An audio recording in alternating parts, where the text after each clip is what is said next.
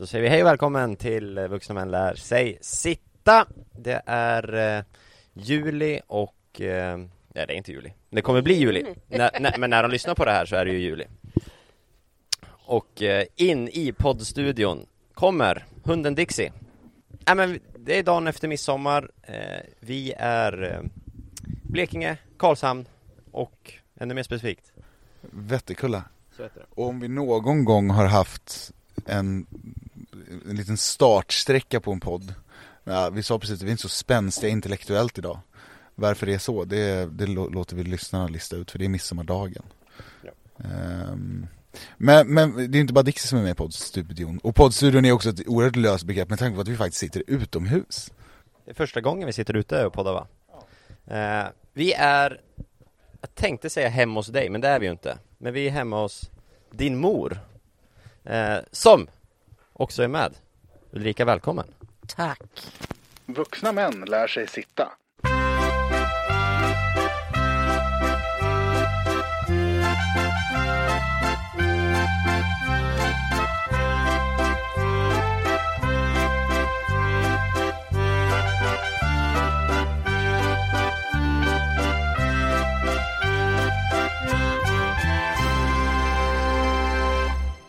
Hur, eh, hur mår du? Ja, som sagt har varit lite spänstigare i hjärnan även jag. Hur, hur var gårdagen? Du, ni- du och Pontus, din, eh, din, är ni gifta? Förlåt, Ja. ni är gifta? Ja. Eh, in och ut lite här Ja. under dagen.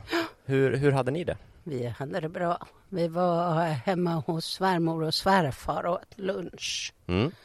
Och sen så hoppade vi ut och in ur festen här. Och eh, vad, vad Och sket i maten som ni hade lagat åt oss.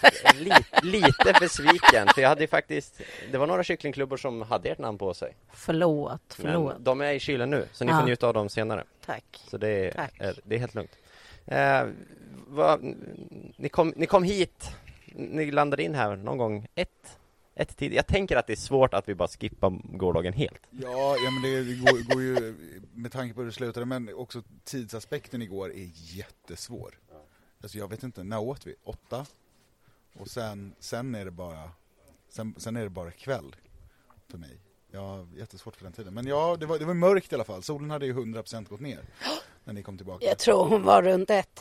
Och ni, du och Pontus, ni var lite besvikna på uh, nivån här kring Nej, soffan inte nivån, men farten. Ja. Ni är ju unga. Ska 50 taggarna komma och skruva upp festen? Ni gjorde ett gott försök Det måste jag ge er. Och blev rejält tillplattade. Ska vi? Ja, vi, vi kommer dit, vi, vi tar det direkt. För det är någonstans elef en elefant i rummet. Nej, inte för mig. Nej men för mig, Jag är van. för mig är det. Och jag sitter mitt emellan er just nu och känner mig så här. Jag vet inte vad jag ska säga. Blir Eh, det fight eller inte? det, det var ju inte en, en problemfri avslutning på kvällen. Nej, alltså, men, men det, alltså, också för min del så är det ju också så här, det är lite så vi är i den här familjen. Ja, Vi, alltså, för andra som ser utifrån och får se en hetsk diskussion, det är ju det är vardagsmat. ja faktiskt. Det, alltså, det är lite ventilation och lite sådär. Eh, Men ja, men vi, vi, jag kommer, vi, käft, vi käftade. Vi slängde käft, vi bråkade. Jag tyckte att ni kom in och var ganska klumpiga. Ehm, så. Och, men det sa jag till. Och, och du höll inte med. Och där, nå- någonstans där var vi. Fast, fast jag har bett om ursäkt Ja, ja. gånger typ. Ja, men Men sen är också frågan vem, vem, vem äger vems partynivå? Vad menar du? Jag menar att jag kommer till mitt hem, det är bra musik. Ja, ja. Gud ja. Alltså, och det är okej Ja, att ja. du tycker att jag var för uppskruvad, vilket jag lätt blir. Ja, ja. Men, och Nej, men det- lite vin i mig och ja. bra musik. Ja, men det stora, stora problemet var ju att här var det okej att vara uppskruvad. Sen satt vi vid brasan tre meter bort. Där var vi inte så uppskruvade och det tyckte vi var okej. Det tyckte vi var skönt. Ja, och det var fel av mig. Ja. Och vi har, vi- men vi har kommit över och det är lite så vi pratar i den här familjen med varandra. Jag tycker, det- jag tycker det är lite jobbigt igen. För, för den, Nu säger ni emot varandra och jag blir obekväm direkt. Men varför det? För det att, är fascinerande. Det är okej att vara överens om att man inte är överens. Så är det, så är det. Jag, jag tror att den som lärde sig mest igår, det var inte du Gustav och det var inte du, utan det var alla som tittade på och reflekterade över sitt eget liv och sina egna relationer tror jag. Ja, men det, Jävlar. jag vill tro det. Det var, det var usch. Brr. Nej men det, det var ju positivt. Det var ju positivt. Alltså jag tror vi alla tog med oss någonting positivt från det. Eh, vi blev mycket spectators. Eh, för det satt ju, det var inte så att ni, det var ganska öppet. Alla hörde ju vad, hur diskussionen Det lät. var liksom. smash efter smash. Ja precis. Eh, Nej, men, nej, men jag, jag tror ju på öppenhet och ärlighet. Jag tror ju på att världen skulle vara ett bättre ställe om vi bara accepterade att alla är olika. Man tycker olika. Det, vi lever ju faktiskt i en demokrati det. där det ska vara okej att tycka olika och ändå så är det inte det. För att folk är konflikträdda eller debatträdda. Jag ser inte det här som en konflikt. Gustav sa till mig, nu är du klumpig. Jaha, jag håller inte med. Jag tycker ni ska festa. Släpp alla bekymmer någon gång. Det är min livserfarenhet. Att man måste, man måste släppa det som är tungt för att orka hantera det en annan dag. Men det är, det är ju lättare sagt än gjort också. Jag vet det. Jag vet det. Så är det och jag- jag tycker något form av nyckelord är ju konflikträdslan som ju ni två inte besitter men som, som vi andra runt lägerelden till 100% besitter känns det som. Det blev, det blev lite stelt. Ja, eh, men som sagt jag tror det var lärorikt. Plus att vi fick det väldigt fint städat eftersom jag argstädade i mina kalsonger hela natten. Och sen gick och badade. Och blängde lite surt på mig. Ja, du försvann, Nej, jag ska städa nu! Försvann och sen tänkte vi jaha, nu gick han och la sig och sen helt plötsligt kom du ut i kallingar och t-shirt och drog ett rejält varv. Det var jättefint när vi vaknade. Eh, Jättefint det åt dig. Det finns kvar att göra. Vi hörde rykten också om att det här är så här, Simon som är med här som ju hade den otacksamma positionen att inte ha ett eget rum Utan han låg ju i soffan ett stenkast bort från det här Hörde att ni till och med diskuterade hetskt vem som skulle plocka in i diskmaskinen Ja, det var Gustav. Han har en tendens att, att bli lite tjurig. Han ska liksom, han brukar kalla mig martyr, men jag vet fan vem som tar den platsen alltid. Vi är väl samma jävla skrot och korn, är det inte lite så? Det är väl det som är det stora problemet när det kommer till konflikter. Eller problemet, men det, vi är ju samma skrot och korn. Ja, vi är ju det- exakt lika. Ja, det är vi. Är väldigt lika så.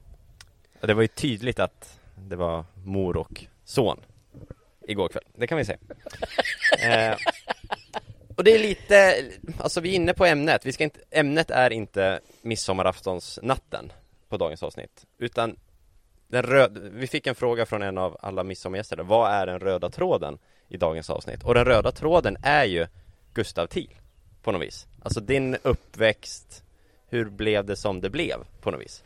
Att det, det är den, den bilden jag går in med, att det är det vi ska prata om idag. Eh, och där har ju du en supernyckelroll såklart och jag, Jag har lite insikt. du jag har, var med. Du var med du, du har sett en del Kan jag, säga, jag tycker också att detta ska bli jättespännande för jag vet ju inte hur jag blev som jag blev. Det, det, det ser jag fram emot att lära mig. Jag gnotat lite i det här med min terapeut men vi, kom, vi blev ju inte något klokare på det här så att vi, vi får se vad, som, vad det här leder till. Det ska bli spännande. Så då lägger ni hoppet på mig istället Ja. Så ska vi enligt poddens form börja med mina fördomar om hur det kunde bli så här Ja, vad spännande. Alltså jag har spaltat ner lite rubriker eh, som jag ska tänka lite kring eh, Och jag får väl utmana min konflikträdsla eller min rädsla att trampa på en öm tå eh, ifall det skulle bli så Det Men- kommer du märka om du gör. Ja, eh, så säg det åt mig och då stänger jag podden direkt och så åker hem. Eh, Nej men, eh, jag kör utifrån mina rubriker. Du är ju, visst är du född 1991? Två. 92 Det börjar dåligt, men min, min fördom är att du är född 91 Nästa. Nej, men okej, 1992 eh, så föddes du. Och då var du inte speciellt gammal 19 år och fem månader. Precis, eh, och så som jag har förstått det så dröjde det inte speciellt många dagar, timmar eh, innan du var en ensamstående mor. Jag tror det var runt fem månader. Fem månader. Mm. Eh, och det här tror ju jag eh, har en, en jättestor roll eh, att spela i, i din uppväxt. Två parametrarna. Dels att du fick barn tidigt eh, och dels att du blev en ensamstående mor tidigt. Eh, det har ju såklart påverkat Gustav. Så det är någon form av liksom övergripande rubrik. Eh, och jag, jag, tänkte att min, min fördom är att ni hade i början när ni gick isär, för jag vet ju att han bor i Dalarna nu eh, Flyttade han upp? Det är en fråga Flyttade, alltså geografiskt eh, Hur, hur såg den, blev det Dalarna direkt och sen Blek, hur, hur var det där? Hur var det nej. då? I början? Gustavs pappa bodde i Stockholm fram till du var nio, okay. tio år All right. ja. Och du bodde också i Stockholm i början? Ja, ja. När hamnade du i Blekinge? 2002 2002, okej okay. Och det var ju efter att Gustavs pappa hade flyttat till Dalarna. All right. Som vi också, som jag kände att jag kunde lämna Stockholm. Okej, okay. för, för att det var en, jag, jag har fattat att det var lite tidigare som det geografiska avståndet blev så stort. Så jag, jag hade skrivit så här att eh, separation tidigt är lika med stökigt att reda ut logistiken. Eh, alltså att det var svårt, eh, när ska man vara hos pappa, när ska man vara hos mamma? Eh, var det helt klart, var alla överens om hur den fördelningen skulle gå till? Det är min fördom att, att det inte var helt enkelt Nej början. men det var det ju inte. Jag hade min bild. Eh, Gustavs pappa har sin bild. Eh, jag, för mig var det väldigt, väldigt viktigt att Gustav hade en pappa i sitt liv. Mm.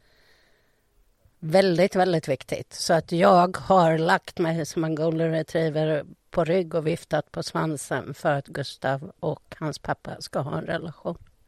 För du ville till Blekinge tidigare? Eller Nej, alltså jag ville nog från Stockholm men när jag träffade Pontus så sa jag också att vi, jag kan inte ta Gustavs pappa ifrån honom så att eh, Pontus hade ju börjat förbereda för att byta jobb. Ja. Han hade sökt jobb på räddningstjänst och sånt där. Han är dykare. Um, så det var liksom på gång. Tills Gustavs pappa ringde en fredag och sa att på måndag flyttar jag till Dalen. Oj, kort varsel. Ja, lite så. Och då ändrades ju förutsättningarna för oss och då snackade jag och Gustav om det. Vad, vad ska vi vara kvar? Vad känner du för att flytta till Blekinge? Och du var ju liksom med på det beslutet så mycket som en tioåring kan. Mm. Liksom.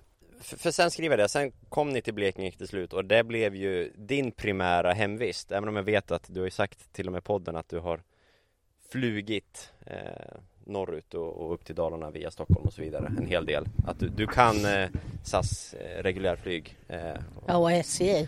Och, jag kommer aldrig glömma när Gustav ringer till mig. Du är 11 år gammal och då hade du ingen mobiltelefon. Och bara, mamma, jag har klivit på fel tåg. Och den ångestattacken Oj. hans mor fick då. Och så la han till på Gustavs Men jag har löst det. Konduktören fixar det här så jag byter bara där och där och sen så. Men vi hörs sen. Hej då! Klick. Ringde, du, ringde han då från, liksom från, från konduktörens lilla ja, hytt då? Ja, ja. På någon form av tåg, tågtelefonen? Ja. Jag kommer, jag kommer ihåg den eh, resan mycket väl, för jag tror, det var i, jag hittade ju i Hallsberg mm. För att man alltid byter tåg i Hallsberg eh, Aldrig varit i Hallsberg i övrigt, men jag hittade i Hallsberg, på Hallsbergs station eh, Men jag, det jag gjorde var att jag hoppade på tåget mot Västerås När jag skulle till Falun Ja. Um, smula olyckligt, men det gick att lösa. Jag fick åka till Sala och hoppa på tåget, bytte i Sala. Men det löste sig. Västerås är en fin stad annars man kan stanna i. Precis, Blekinge till slut. Eh, och du var ju länge ett, ett ensam barn. Nej. Inte? Nej. nej. Hur, hur gammal är Sixten är 15. Dante blir 18. Dante är 18. Men sen har vi William och Filip också. Just det, det är så jäkla många. Jag, jag har inte... det, det, är för många. Kom, ja, men Filip kom när du var sex. Det är för många för mig också. Alltså mitt släktträd är det sjukaste. Det är tre avsnitt. Ja, faktiskt. Om man ska reda ut det. Okej, okej, men men ska vi, ska vi reda ut det? För, för då- jag, jag har ju känt dig länge nu, men och jag vet ju att alla de här namnen cirkulerar ju Men det är svårt att placera åldrar och sånt hela tiden Take it away morsan. ja, Förklara, Alltså, hur många Gustav... barn har du fött? Jag har fött tre. Ja, Gustavs pappa har inte fött några, höll jag på att säga. Det har han väl. Men han har väl satt fyra till jorden. Eh, och när Gustavs pappa träffade Sofia eh, då blev det ju lite stabilitet. Hon hjälpte ju till enormt mycket att Gustavs pappa och Gustav har en relation. För hon och jag råddade det mesta liksom. Hon var fantastisk så. Eh, och eh, när Gustav var sex tror jag så kom Filip va? Så han är ju då 23 och ett par år senare William. Och där har väl vi alltid resonerat, folk är halvsyskon och jag har sagt att men det finns inga halva människor. Det finns hela människor. ja men min bild är, de är ju då ändå, de har varit hemmahörande med, med din far primärt och du, och du Gustav har bott primärt med din mor Förutom då när Filip kom. Då bodde det nog varannan vecka tror jag. Okej, Under några års tid. Jag ko- jag kommer till och med ihåg att eh, från och med att, för William är född 00, han kom ju två år efter eh, Filip, så han är 21 nu då. Han lyssnar på podden, shoutout. Eh, då bodde, jag kommer ihåg att jag bodde först varannan vecka och sen så tyckte jag att det var för jobbigt så jag bodde två veckor i stöten. Eh, och det från att, jag- från att jag var typ sex, alltså från att jag började skolan tror jag, till, tills att de flyttade till Dalarna. Ungefär så. Men när jag var hemma i Tallkrogen där du bodde mamma så då var jag ensam barn. Fram tills vi flyttade till Karlshamn egentligen. 2003.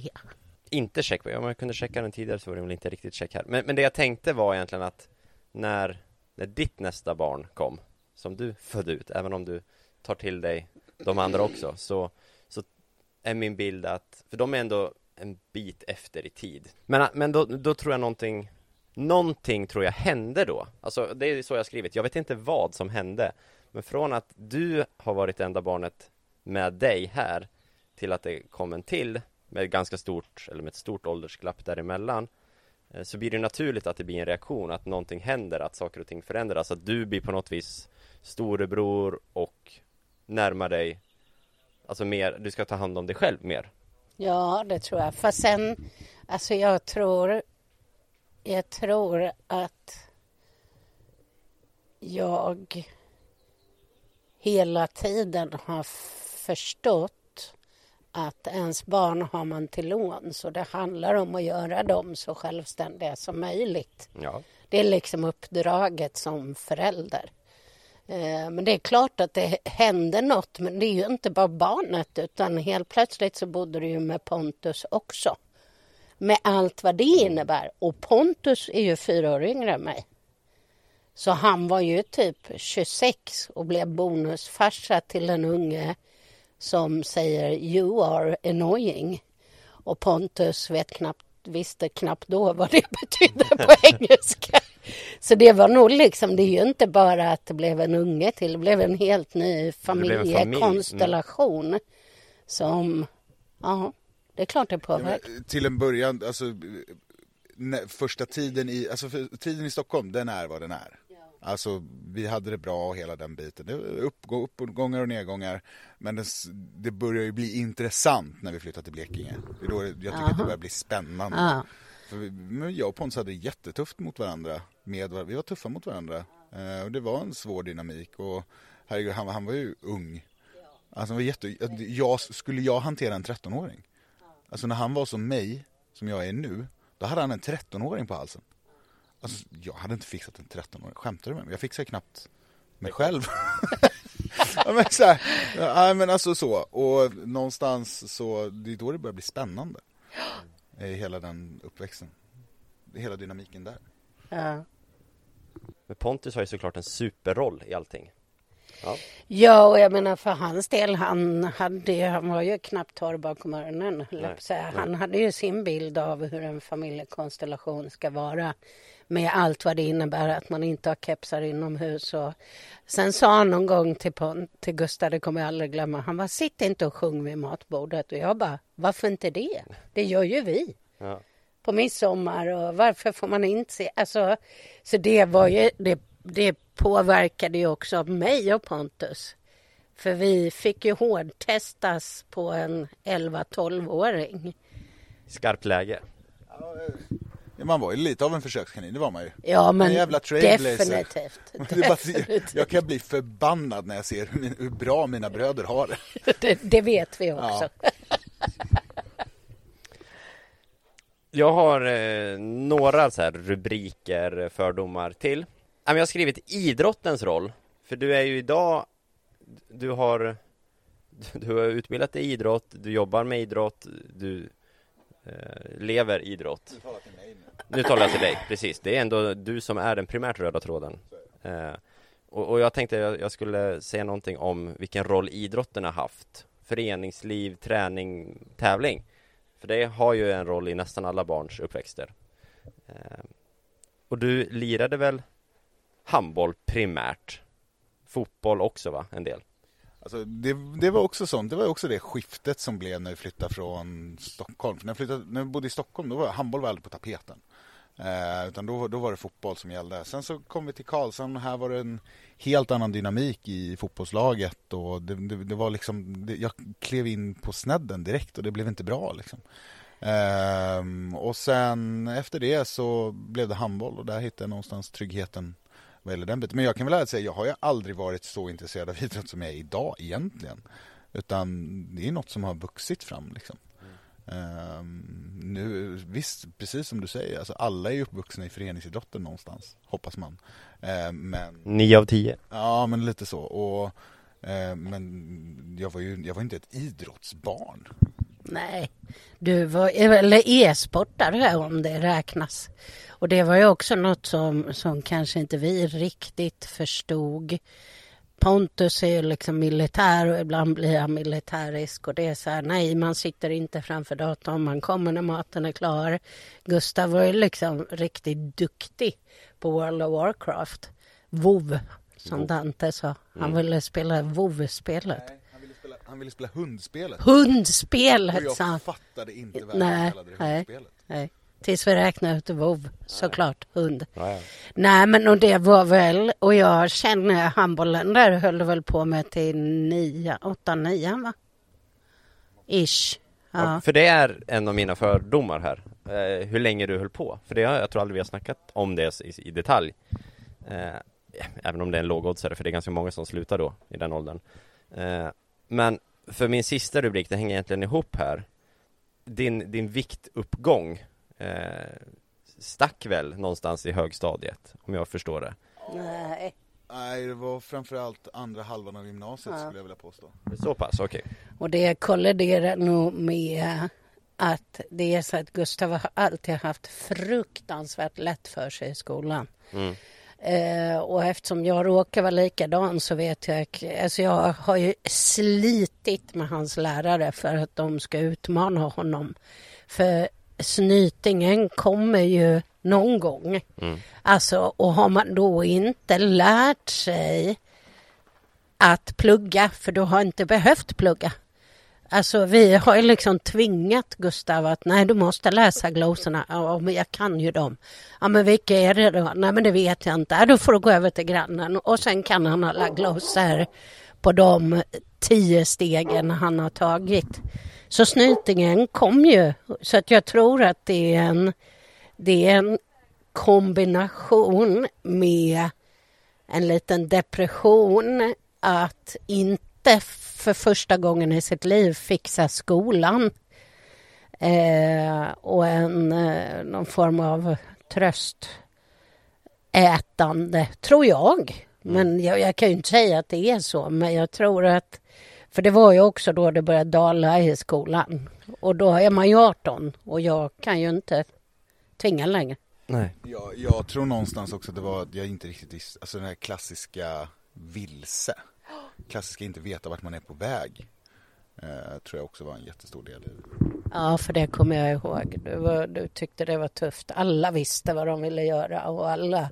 Och så sa jag, men det vet ju inte alla. Men det kan kännas så. Mm. För, för hyfsat, alltså för det, jag trodde att, att vikten stack tidigare någonstans i högstadiet men okej, gymnasiet för det, det jag tänker är liksom någon form av vilsenhet, i stundtals en ensamhet när man närmar sig en vuxenlivet. Eh, Första kontakterna liksom med vuxenlivet kommer ju där någonstans högstadiet upp till gymnasiet. Då tänker jag liksom Det är fester och det jagas tjejer och det är första alkoholkontakterna och kanske tobak och senare liksom någon drog börjar cirkulera och så vidare och så vidare. Eh, jag har skrivit många stökiga konfrontationer i familj Har jag skrivit. Eh, och, Alltså och min definition av stökig tror jag inte är er definition av stökig. Det som hände igår eh, tycker jag är, eh, var det, det, skulle gå in under min definition av stökigt Men när ni förklarar så tycker ni ju obviously inte det. Och framförallt liksom ju äldre du blir och ju äldre du kan bli för att ta en diskussion Ju mer sådana typer av av samtal, diskussion, debatt, snack? Alltså jag tror att det handlar om att det är många uppbrott. Alltså Gustav, jag levde ju med en man i Jesper några år som Gustav verkligen tog till sig och tyckte om och så tog det slut och så nu har ju jag varit med Pontus de senaste 20 åren. Men Gustavs pappa eh, skilde sig från Sofia också. Då var du 15, 16. 13 var det, just det. Okej, så de lever inte tillsammans längre? Nej. Och... Men jättekul, för att pappas eh, yngsta son Oliver är bästa kompis som han inte har med Sofia då. Ett till namn. Ja, ja det är min yngsta, yngsta lillebror. Han är alltså bästa kompis med Sofias nya barn som är nästan exakt lika gammalt, Elias. Så att de, och det, är så, det var så jävla roligt när de var små. För de kunde inte fatta, för båda har ju Filip och William som storebröder. Men de är ju inte bröder. Jätteroligt. och nu är de svintajta. Och lite också William och Filip har ju varit nere hos oss och Dante och Sigge och det är som ett mischmasch. Och mina brorsor är dina brorsor och allas brorsor är allas brorsor. Mm. Så det, det, alltså det har ju varit extremt många uppbrott. Ja. Eh, och det påverkar ju en människa, så är det. Ja, det kan jag absolut. Eh, har det, tror du det tvingade dig att på något vis, för att jag har ju alltid, sen jag lärde känna dig, du, du stormade ju in i Växjö i eh, augusti 15, 14 Eh, och var liksom en clown och en pajas som all, jag var så här, jag kommer ihåg att jag och Lisette Vi var på semester eh, under den nollningsveckan När, eh, när ni eh, började. Eh, Men jag vi hade så här, såklart kontakt med mina klasskompisar. Och liksom det började cirkulera Frank fanns i varenda liksom Nu, ja stökigt, nu är i tältet, Frank har gjort det här, Frank har tatuerat foten. Frank sprang in i en Statoil-skylt eh, Alltså det, det, bara började There's a new clown in town På något vis. Eh, Sen lärde jag känna dig och det bekräftades väl för vi umgicks väl mest under fester på något vis. Där du tog en sån och delvis gör väl fortfarande syns och hörs ganska mycket i sociala sammanhang. Men trots det, så ena sidan clownen på något vis. Men ju mer jag lärt känna dig du är ju bland de mest mogna och vuxna människorna jag känner. Trots att, alltså du kan ju variera de sidorna. Jo men alltså eh, Jag tycker verkligen det. Alltså du Du, du har Du har ett, ett vuxet tänk Ganska ofta eh, Som liksom jag tror kan härledas till att Att du har försatts i så många Som du säger uppbrott eh, Tvungen att växa upp snabbare, liksom bli mer självständig kanske tidigare än en Svensson-familj som jag har, som liksom har haft det Mamma, pappa, två bröder Jämn åldersfördelning, eh, inga problem tänkte jag säga jag, jag tror nog först och främst att det handlar om någon slags känslomognad jag blev ju inte tvungen, men jag mognade känslomässigt ganska snabbt. Alltså den här clownbiten, det kommer jag nog aldrig bli av med. För jag trivs ju, vi gillar ju att stå i centrum, herregud. Älskar sånt. Men att ha den här känslomässiga mognaden kommer väl någonstans ifrån att men inte att jag blir tvungen till det, men någonstans, det har varit ett bra verktyg för att kunna hantera saker och ting. Liksom. Jag, alltså, eller är jag fel på det? Alltså jag vet inte. Jag tänker på att vi har pratat väldigt mycket. Alltså vi har liksom gått igenom situationer och pratat och det och, och det har inte, det har liksom varit filterlöst på något sätt. Eh, som ni sa igår, men alltså vi pratar inte känslor. Och jag bara, va? Varför inte det? För mig är det solklart. Jag kommer aldrig glömma på dagis när jag lämnade dig en gång. Så sa pedagogen där, alltså du pratar med Gustav. Det är så häftigt att se, för då var du typ ett och ett halvt. Då sa jag liksom till dig, Gustav, ja, nu ska du göra så här och så här. Och du bara, ja, okej. Okay. Alltså vi pratade. Mm. Det var liksom inget bebisspråk eller eller såklart att jag inte använder jättesvåra ord, men, men du har alltid varit delaktig. Och i att vara delaktig så måste man också förstå konsekvenserna av att man är delaktig. Alltså så enkelt är det. Mm. Och, och man då inte låter, och jag säger inte att jag har gjort rätt. Alltså jag har ingen aning, det vet vi ju inte förrän, förrän det är slut. Liksom. Om man har gjort rätt. Nej men eller hur. Och vad är rätt?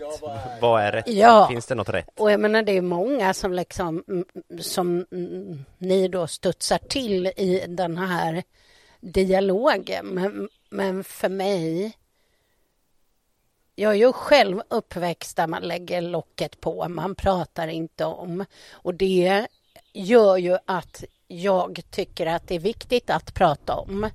För att alla, som du sa, elefanten i rummet, men det som hände i morse var när vi tjurade ihop. Jag blev lite lack på Gurra och tyckte han var lite barnslig och han tyckte att jag var en jävla, inte vet jag.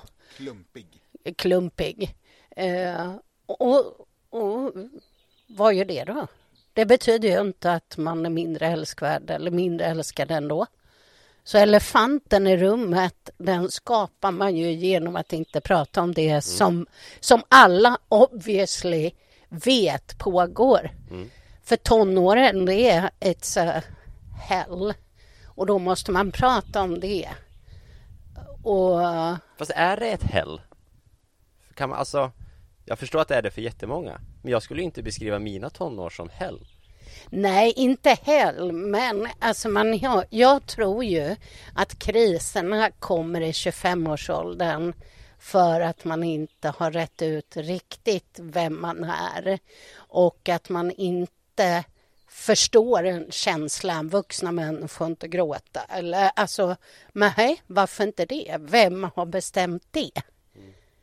Alltså, det har man ju bestämt själv. Det är en gräns man har satt själv. Och sen kan det ju ibland bli lite väl jävla geggigt. Nu blir jag sårad om du säger sådär. Ibland skulle man ju kunna lägga ett strå emellan också. Man behöver ju inte ta alla konflikter alltid. Nej, nej precis. Alltså, bara, för, bara för att man har högt i tak så behöver ju inte allt ventileras. Ibland, vissa grejer kan man ju bara hålla för sig själv. Men ja. det är väl så här, alltså, vi, har, vi har alltid haft högt i tak hemma och jag vet ju så här, ja, men ibland när du, när du ja, men vi pratar ju ofta, framförallt när du kör hem från jobbet ringer du mycket mamma. Ja. Eh, och det uppskattar jag ju.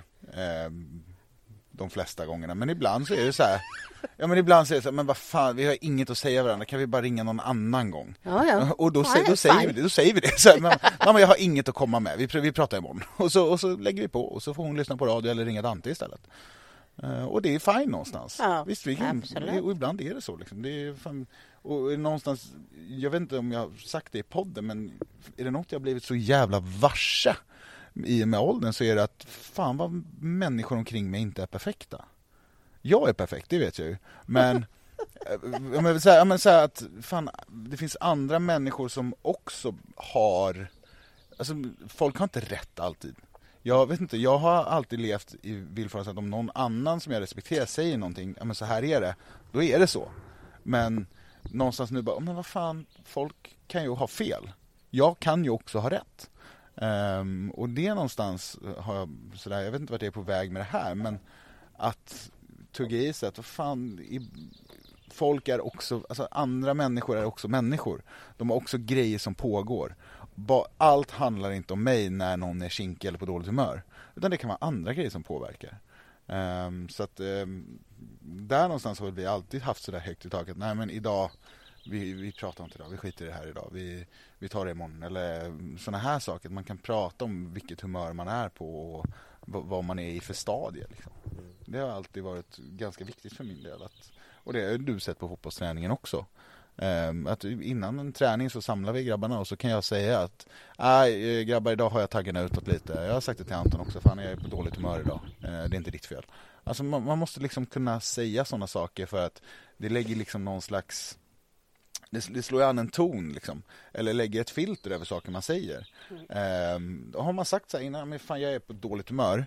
Jag är på dåligt humör idag. Ah, men då, då behöver man inte, om jag liksom är otrevlig så, ah, men då är det för att jag är på dåligt humör. Sen ska man ju he hela tiden anstränga sig för att vara trevlig. Men då blir det liksom någonstans ett filter. Det är inte mot dig, jag brottas med egna grejer. Eh, och eh, jag vet inte vart jag var på väg, det blir jävligt snurrigt och rörigt men men någonstans är, fan, folk är inte perfekta och kan man bara liksom vara helt öppen och ärlig och säga fan idag har jag en dålig dag. Så gör det ganska mycket. Jag har ett livsråd till poddlyssnarna. Ja. Eh, lova aldrig något när du är glad. Ta aldrig några beslut när du är arg. Jag vet inte.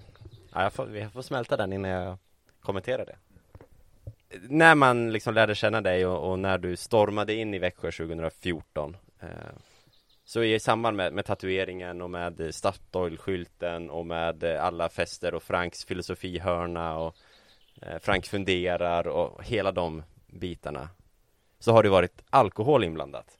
Och, och du liksom, jag kommer ihåg en kväll där var, Du sänkte i princip en hel platta eh, Nästan, du var där uppe på de siffrorna i alla fall liksom ja men ja, fest ikväll, jag har druckit 23 bärs.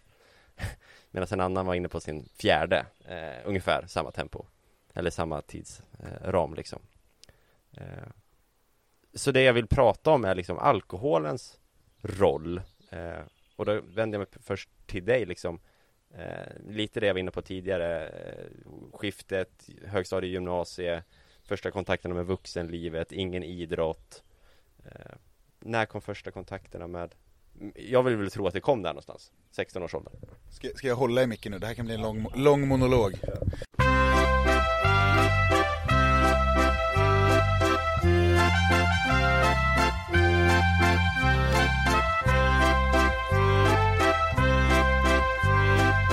Nej men jag var väl inte sådär extremt tidig med alkoholen. Jag hade väl väldigt mycket Svensson-uppväxt med alkohol.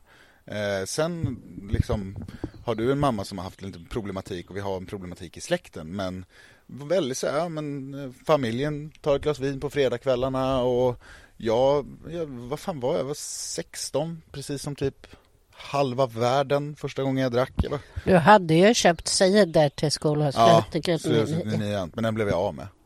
Jag hade inte gömt den så bra. jag tror den låg i moped. Eh, Nej, jag frågade dig. Gustav, ska du dricka ikväll? Ja, sa du.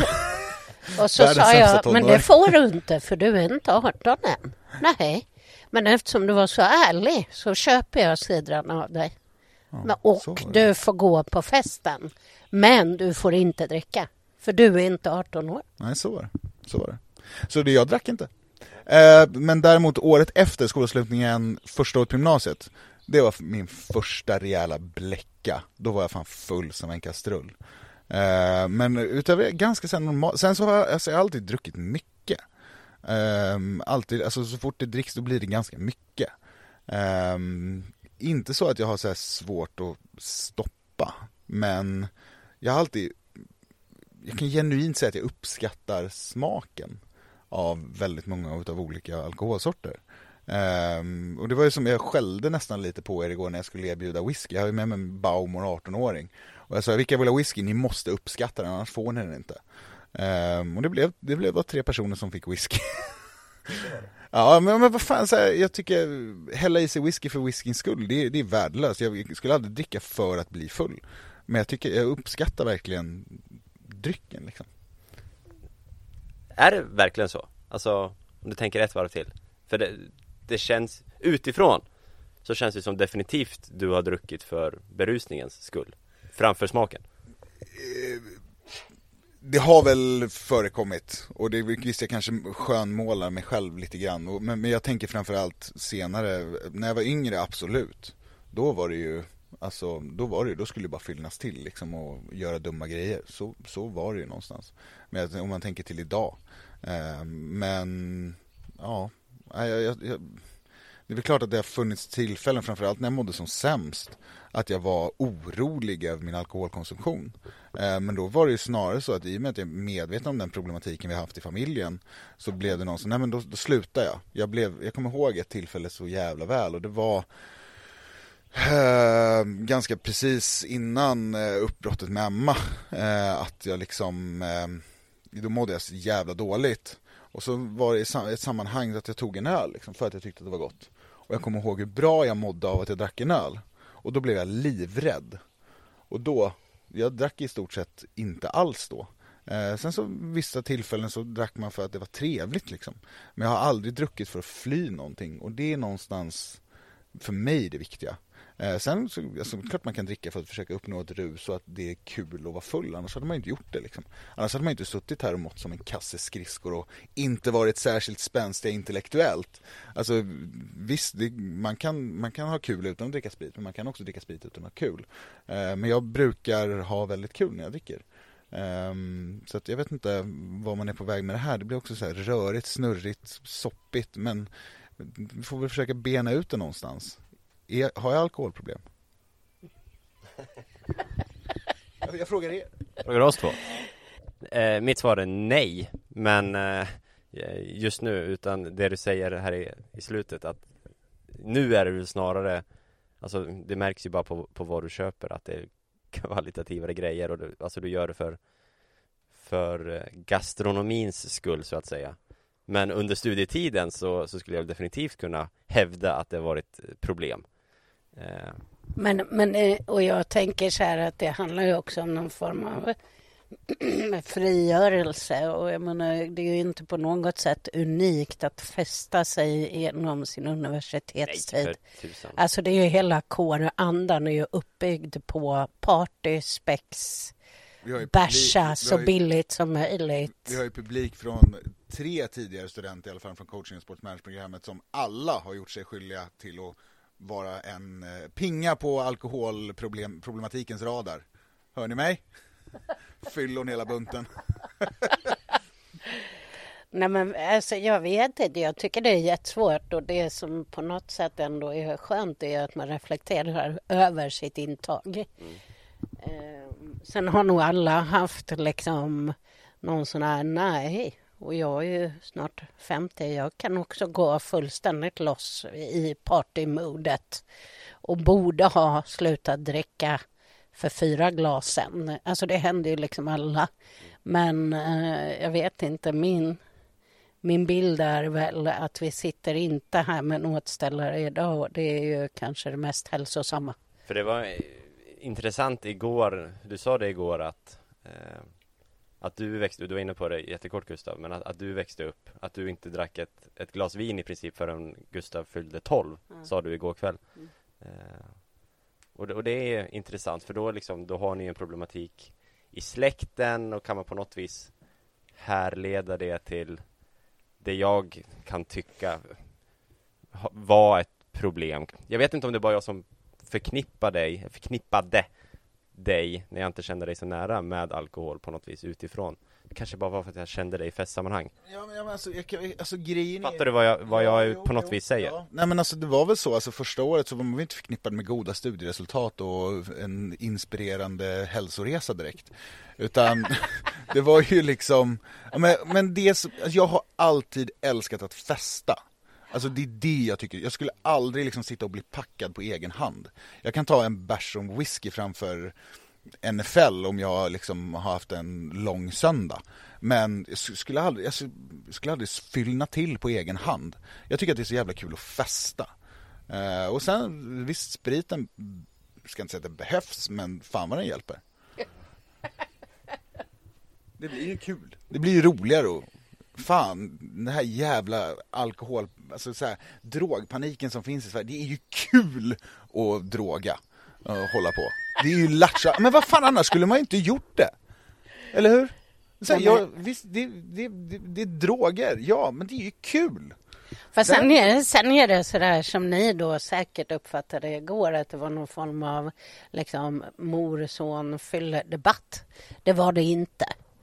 Men, men jag tror du, att Du menar att den skulle kunna skett oavsett? Ja, mode? gud ja. Och har skett. Och kommer att ske. Eh, men det är ju mer...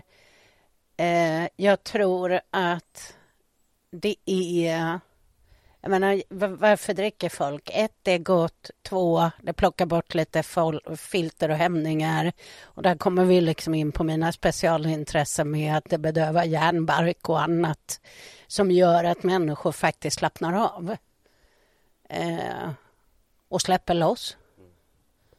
Och hade vi inte varit så konflikträdda och här leder man det till konflikträdsla, man gör sig lite till i nyktert tillstånd så är det ju någonstans, alltså förstår du vad jag är ute efter? Den, eh, den kopplingen att vi, vi är så jävla pretto i nyktert tillstånd. Det är därför det blir och, och är man då en sån människa som Gustav är, eller som jag är som bara Woohoo, nu kör vi eh, så, så tror man att det är för att man är onykter. Men både du och jag är så i nykter tillstånd också.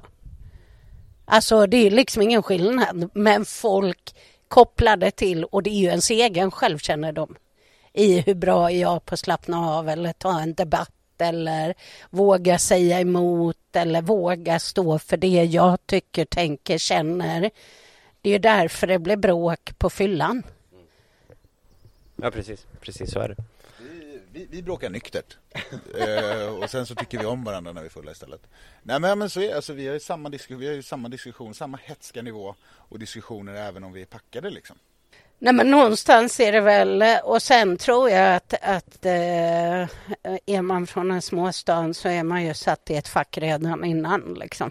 Och var du clownen i Karlshamn så blev du det i Växjö också till att börja med tills du bestämde dig för att ja, men det finns fler sidor hos mig och det, det ska alla fan veta.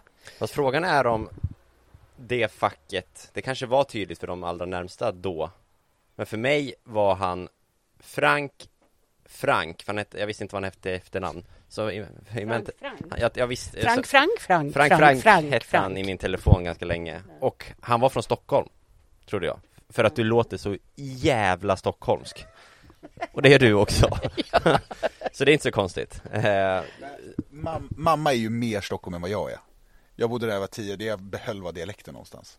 Jag, jag är inte hemma i Stockholm. Jag är alltid turist när jag är där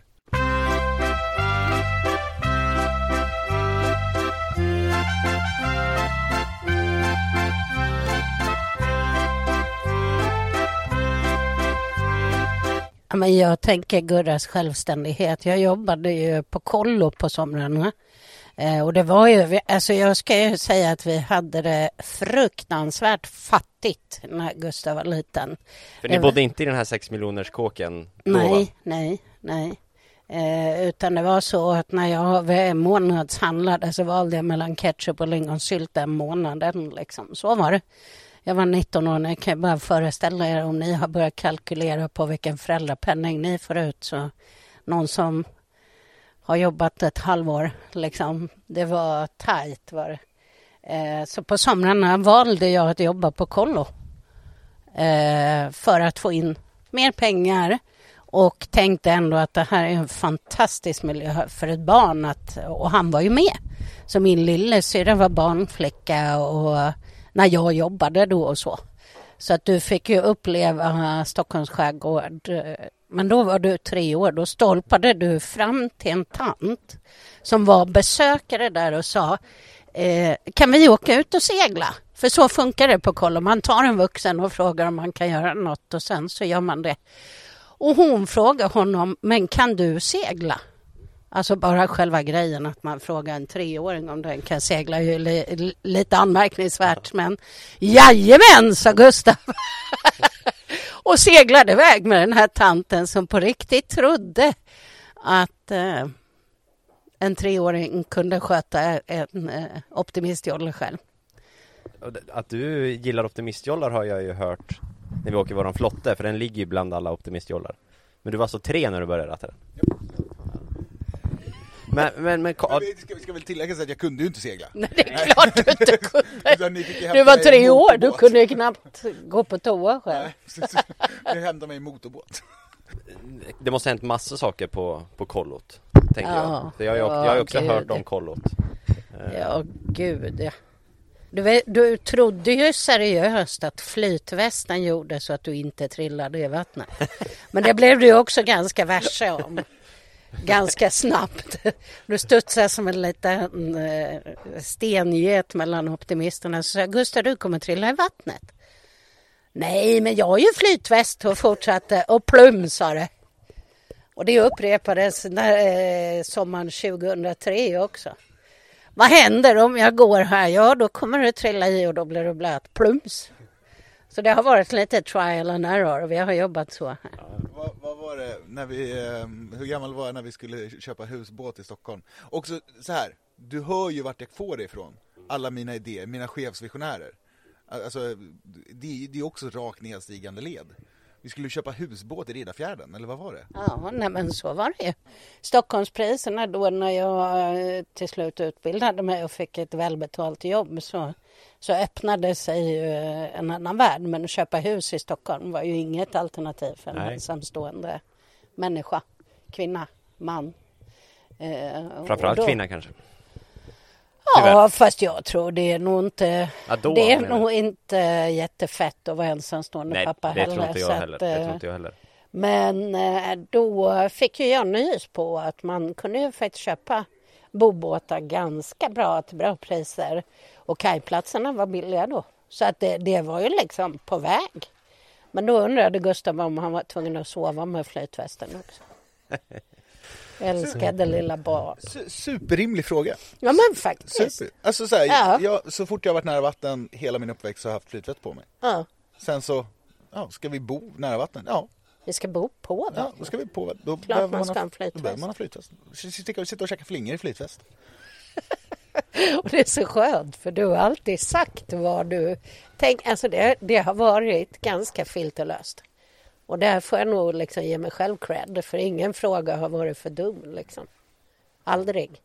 Men om du Gustav har fått den här spontaniteten, impulsiviteten från det här ledet.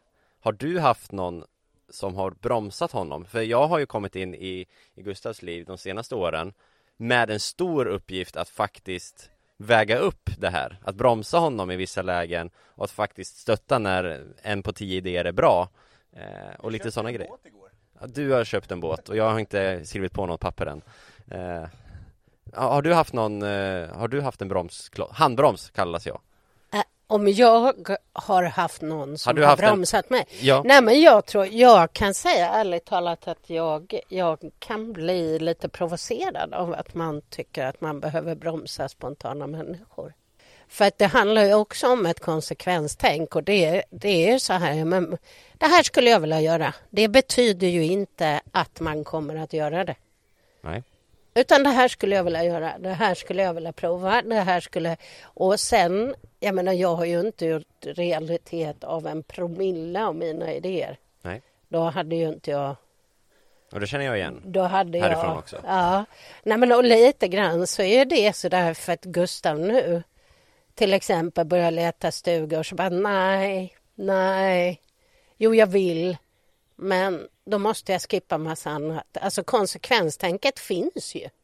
Så att jag upplever inte att man behöver bromsa spontana människor. Nej. Snarare så att det, det kan hämma kreativiteten. Utan frågan som jag fick av en gammal chef var så här, ja bra, gör det. Och så får man börja klura på om det ens är görbart. Och sen får man förkasta en del idéer och en del idéer är Ja, men varför inte? Är det några, några vi behöver bromsa så är det människor utan konsekvenstänk. Ja. Ja, de behöver bromsas. Och där, eh, jag, jag kan vara lite, lite båda, bit, eh, båda sidorna i staketet där va. Jag kan både vara spontan och sakna kon- konsekvenstänk. Så att bara för att jag är spontan, visst jag har ett, mått av konsekvenstänk. Men inte 100% av det. Det kan ju komma efter eventuella beslut. Läs senaste tre dagarna, Ja. typ. ja. Utan att jag ska, vet inte hur många, hur mycket jag får prata om det. Ja, du sa upp dig, signade för ett nytt jobb, ångrar dig, ringde upp mig och sa Ja, jag behöver dig David, för att jag har ångrat mig. Och sen sa du typ, jag kommer ju behöva jobba varenda helg och kväll. Ja, det sa jag till dig för två dagar sedan. Exakt det sa jag till dig. Och du vet, men då liksom fanns, det är ju på något vis, där saknades ju konsekvenstänket direkt. Men det kom ju två dagar senare. Ja, Och och det då, du då ju saknas det ju inte, tänker Nej, jag. det saknas inte, men det kommer lite senare. Ja, I just det fallet ja, i alla fall. Ja, och man har ju också... Det blev, det blev lite jobbigare än vad det hade behövt vara. Men det var ju inte heller extremt jobbigt. Nej, Det var två samtal. ja. Ja, Och ju. lite ångest däremellan. Ja, absolut. Alltså det hade ju... Vi hade ju saknat en del ruskigt bra grejer om inte folk hade varit spontana och tänkt utanför boxen. Herregud, hade inte jag träffat Gustav och hade inte du haft den hjärnan du har Så hade inte jag haft en flotte idag. Jag hade inte haft IF Linné som mycket av våran fritid handlar om. Jag hade förmodligen, ja, hade jag inte träffat dig hade jag såklart inte suttit här. Men jag hade inte haft en podd som jag tycker är kul. Eh, Det jag vill få sagt är ju att mitt liv har ju lyfts av att komma närmare en sån här kreativ och stortänkande chefsvisionär som du är. Alltså, du har ju berikat mitt liv jättemycket. Eh, Och du har ju, du har ju berikat Gustavs liv också. ja, jag vill ju tro det på Alltså, något vis. Jag men- tror att det är våra, alltså vi, jag tycker vi är extremt olika. Eh, och jämför du med, jämför med mig med andra av dina vänner så kanske jag liksom, att vi är mest poler. Och att det är därför det kan funka. Alltså det kan också funka med någon som är ganska lik dig. Eh, men att Vi kompletterar ju, vi kompletterar ju varandra fruk- Alltså så här, det lirar. För, för att få verkstad Ja. i vad den kan tänkas vara så tror jag vi kompletterar varandra bäst. Perfekt, perfekt görarduo. Vi borde starta ett företag och göra vad vi ska göra. Jag vill vara med. Ja, men vi kör. Då, men då måste vi få in ytterligare någon som kan balansera upp morsan då. Nej men David, är ankare nog. jag tror på mig är för hög. Jag håller på att gå under av Gustav bara. Nej men jag, och jag fattar, jag menar det är, det är ju så, det är liksom jobbigt att vara runt sådana som dig och mig. Men det är också jobbigt att vara en sån som dig och mig om alla, om man ska behöva slåss för att det ska vara okej att vara den man är. Och lite grann tror jag att det kanske liksom är det dina livskriser lite grann ligger i också. För att du är inte i boxen. Det finns ingen som kan stoppa dig i boxen och inte mig heller. Men det och då tar det tid att eftersom samhället talar om hur man ska vara och så är man, passar man inte i den boxen då tror man att det är något fel på en själv. Men man får ju också se att precis, och då knyter vi ihop med det här att det finns inga perfekta människor. Därför att alla behövs ju på ett eller annat sätt. Eh, alla människor behövs. nej, nej, men, eh, men allas personligheter. Ska man bygga ett team så vill man ju inte ha sju Gustav. Eller Eller sju David. Nej, utan det är ju någonstans så att, att alla är som de är och det är okej. Och man eh, måste liksom börja älska sig själv för att kunna se Ja, men de här sidorna, ja, de här sidorna, du, precis som Gustav säger, vi kompletterar varandra ruskigt bra. Eh, det kan vara irriterande, man kan själv uppleva, jag upplever stress om någon bromsar mig för mycket medan Pontus upplever stress när jag drar för mycket. Och det viktiga någonstans är ju att prata om det. Jag blir stressad när du ska bygga ett utkikstorn här, kan Pontus säga. Nej, men jag ska inte bygga något. Jag vill bara prata om det.